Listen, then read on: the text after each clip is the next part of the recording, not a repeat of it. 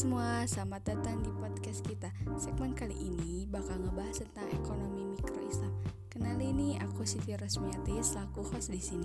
Dan pastinya aku nggak sendirian, ditemenin sama Silma Mutia yang bakal ngejelasin semuanya. Nah, buat segmen kali ini kita mau ngebahas tentang teori produksi dalam Islam. Nah, iya, kita bakal membahas itu. Boleh jelasin gak sih apa itu teori produksi dalam Islam? Oke, pengertian produksi. Nah, produksi ini dapat didefinisikan sebagai hasil dari suatu proses atau aktivitas ekonomi dengan memanfaatkan beberapa masukan, yaitu input. Nah, kegiatan produksi tersebut mengkombinasikan berbagai input untuk menghasilkan output. Jadi, eh, dari berbagai macam input dia bakal menghasilkan output. Seperti variabel input dan output mempunyai nilai nilai yang positif. Kegiatan produksi dalam uh, ilmu ekonomi bisa diartikan sebagai kegiatan yang menciptakan manfaat utility baik di masa kini maupun di masa mendatang.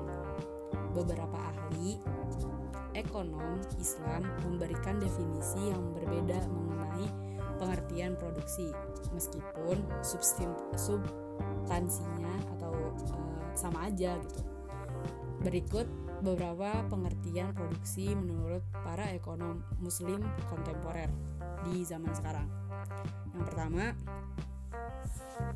Monzer Kaf. Beliau mendefinisikan kegiatan produksi dalam perspektif Islam sebagai usaha manusia untuk memperbaiki tidak hanya kondisi fisik materialnya, tetapi juga moralitas sebagai sarana untuk mencapai tujuan hidup sebagaimana digariskan dalam agama Islam, yaitu kebahagiaan dunia dan akhirat. Yang kedua, itu ada Muhammad Abdul Abdul Manan. Uh, beliau melihat produksi sebagai penciptaan guna utility atau manfaat agar dapat dipandang sebagai utility dan dengan demikian meningkatkan kesejahteraan ekonomi.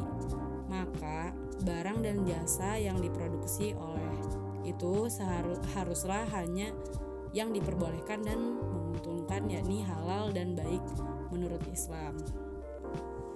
Oh jadi gitu. Kalau pandangan Islam tuh kayak gimana? Nah kalau menurut Islam produksi itu memandang bahwa e, bumi dan segala isinya merupakan amanah Allah Subhanahu wa taala kepada sang khalifah agar dipergunakan sebaik-baiknya bagi kesejahteraan bersama. Salah satu pemanfaatan yang telah diberikan kepada khalifah adalah kegiatan ekonomi itu yang bersifat umum dan lebih sempit lagi kegiatan produksi. Nah, berarti itu hal yang khusus gitu. Pada prinsip Islam juga lebih menekankan berproduksi demi untuk memenuhi kebutuhan orang banyak, bukan buat segelintir atau bahkan diri sendiri. Segelintir orang yang punya uang sehingga uh, memiliki daya beli yang lebih baik.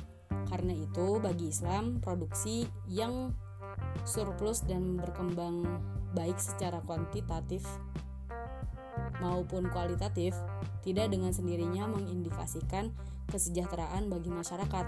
Apalah artinya produksi yang menanggung jika hanya bisa didistribusikan untuk segelintir orang yang memiliki uang banyak gitu. Nah, sebagian modal dasar berproduksi Allah telah menyediakan bumi beserta isinya bagi manusia untuk diolah lagi eh, diolah diolah bagi kemaslahatan bersama seluruh umat. Nah, terus prinsip mengenai hal tersebut tuh apa aja sih? Nah, kalau prinsip eh, produksi dalam Islam itu, nah pro, itu tuh prinsip yang fundamental yang harus diperhatiin dalam pro, uh, proses produksi. Uh, yang pertama, prinsip kesejahteraan ekonomi. Bahkan dalam sistem kapitalis terdapat seruan untuk memproduksi barang dan jasa yang didasarkan atas kesejahteraan ekonomi. Pada asas uh, maaf Kemudian keunikan konsep Islam mengenai kesejahteraan ekonomi yang terletak pada kenyataan bahwa hal itu dapat mengabaikan pertimbangan kesejahteraan umum yang lebih luas yang menyangkut persoalan tentang moral, pendidikan, agama dan banyak hal hal yang lainnya. Nah, di dalam sini tuh ada juga kaidah-kaidah yang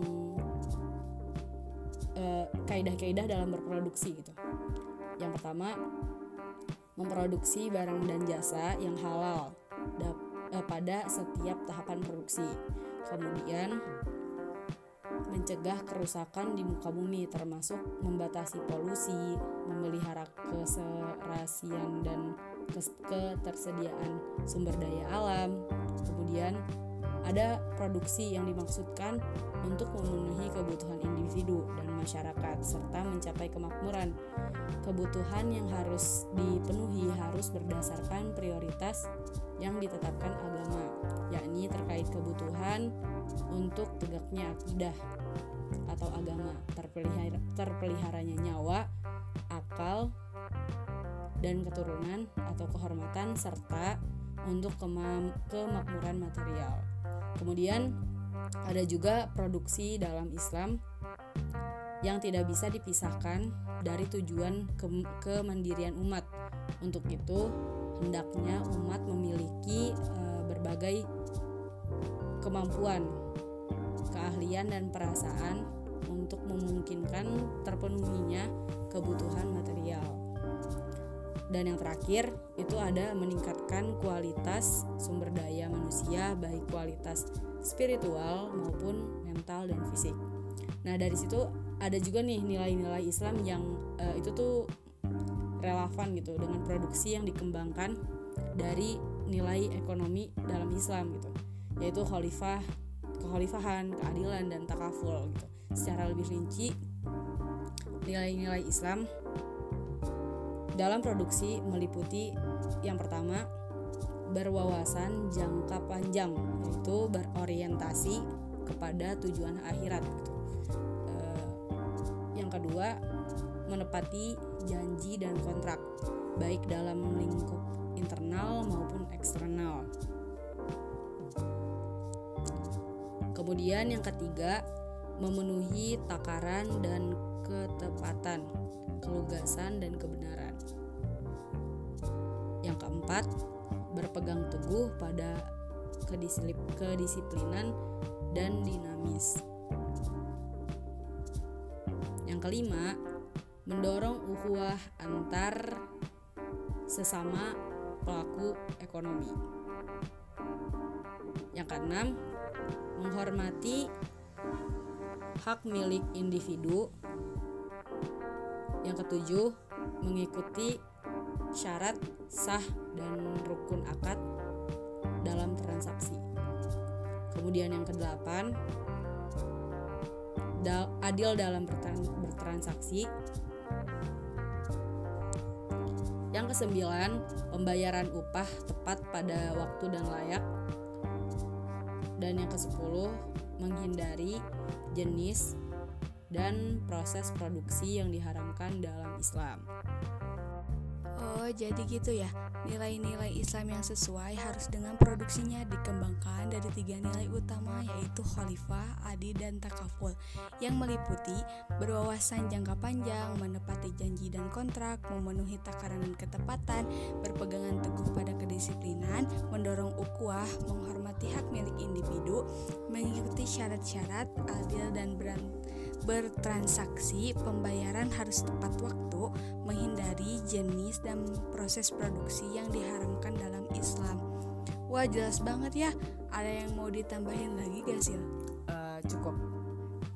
Oke, sekian dulu podcast dari kita berdua. Terima kasih buat Silma Mutia untuk materinya. Sampai ketemu lagi di podcast selanjutnya. Wassalamualaikum.